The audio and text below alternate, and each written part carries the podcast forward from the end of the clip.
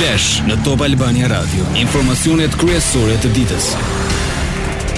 Po ndiqni përmbledhjen e orës 16 unë jam Ani Bame.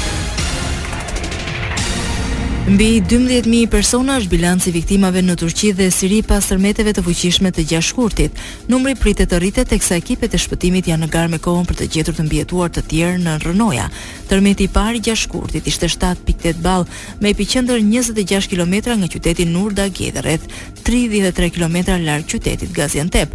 Pak minuta më vonë u regjistrua një tërmet tjetër i fuqishëm prej shtatë pikë pesë shkalla Richter. Por përpjekjet e shpëtimit pengohen nga temperaturat e ulëta dhe qindra pasgoditje që e kanë bërë veçanërisht të rrezikshme punën në strukturat e paqëndrueshme në qytetin sirian të Xhindairisit, Një foshnje e sapolindur u nxor nga rrënojat.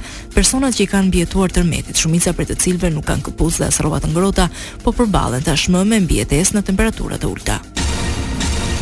Presidenti i Turqisë Recep Tayyip Erdogan vizitoi sot pjesën jugore të shtetit për të parë nga afër shkatërrimin nga tërmetet e fuqishme, teksa është rritur zemërimi i banorëve lokalë, të cilët akuzojnë autoritetet për përgjigje të ngadalshme për operacionet e kërkim-shpëtimit, nga tërmetet masive të së hënës prej 7.8 dhe 7.5 ballësh në Turqi dhe Siri janë vrarë mbi 12000 persona. Numri i viktimave pritet të rritet pasi janë shembur qindra ndërtesa në shumë qytete.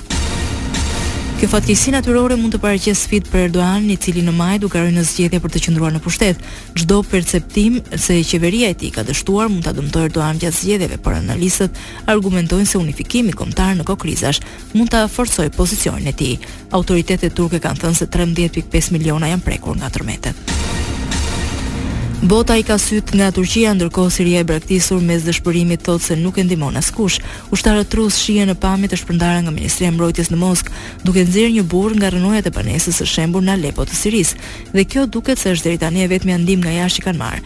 Gjysmëhëna e Kuqe Siriane i kërkoi komunitetit ndërkombëtar të heqë sanksionet e vendosura ndaj regjimit të presidentit autoritar sirian, Bashar al-Assad për të lehtësuar përpjekjet e shpëtimit. Lajmet në internet në adresën www.topalbaniaradio.com. Provat e publikuara së fundmi zbulojnë ish zëvendës kryeministrin Arben Ahmetaj si një prej arkitektëve dhe përfituesve kryesorë në koncesionet e inceneratorëve. Sot në Inside Story do zbulojmë prova të reja që tregojnë përfitimet në prona qindra mijëra euro të Arben Ahmetajt nga njerëzit e inceneratorëve. Një profil i paautorizuar për ish numrin 2 të qeverisë që zbulon aferat e shumta korruptive në thuajse 3 dekada karrierë politike, hapat e para të Ahmetajt në politikë pranë kampit të djathtë, dosjet e panjohura të korrupsionit në tatime, afera dhjetëra milion dollarë me impulsa telefonike dhe kompanitë e lidhura me të, Një investim i plotë rreth aferave me paratë e rindërtimit, tenderat, fondet e pandemisë, si dhe privatizimet e jashtëligjshme. Sekretariati për Procedurat, Votimet dhe Etikën vendosi mes debatesh të forta pro kërkesës së Grupit Parlamentar Socialist për marrjen e masës disiplinore ndaj deputetëve demokratë për kaosin e shkaktuar seancën e fundit të parlamentit. Janë shtatë deputetë socialistë që kërkuan përjashtimin me dhjetë ditë të kolegëve të tyre demokratë Gazmend Bardhi, Luciano Boçi, Albana Vokshi, Ina Zhupa, Luan Baçi, Tritan Shehu, Ervin Salianji dhe Bledion Nallbati. Vendimi u mor për dhjetë ditë përjashtim. Duke nisur nga shkurti drejtuesit e automjeteve do kenë mundësi të personalizojnë targat e makinave të tyre kundrejt tarifave speciale. Do mundësohen kombinime me 5 deri në 7 karaktere, të cilat do përfshijnë minimumi 2 numra dhe hapësira standarde. Blendi Gonxhja, drejtor i përgjithshëm i Drejtorisë së Përgjithshme të Transportit Rrugor, tha se do ndalohen fjalë apo kuptime të caktuara nga pikëpamja etike. Lajme nga bota. Pas takimit me kryeministrin britanik Rishi Sunak, presidenti ukrainas Volodymyr Zelensky pritet të vizitojë mbretin Charles III në Buckingham Palace. Mbreti do mbajë një prononcim për mediat me Zelenskin pasditen e sotme në pallatin mbretëror. Ndërkaq me Sunak, presidenti ukrainas foli për ofensivën ruse, trajnimin e trupave nga britanikët dhe sanksionimin oligarkëve rusë, Kjo është vizita e parë e Zelenskit në Britani që nga fillimi i luftës. Burimet e inteligjencës amerikane insistojnë se balona që rrëzuan të shtunën ishte përdorur nga ushtria kineze për spiunim. Zyrtarë të paidentifikuar i thanë Washington Post se besojnë se balona të tilla janë përdorur për të mbledhur informacione të inteligjencës dhe strategjike në territore të rëndësishme. Aty përfshihen Japonia, India, Tajvani dhe Filipinet. Zyrtarë kinezë veçse kanë mohuar se përdorin balona të tilla për vëzhgim.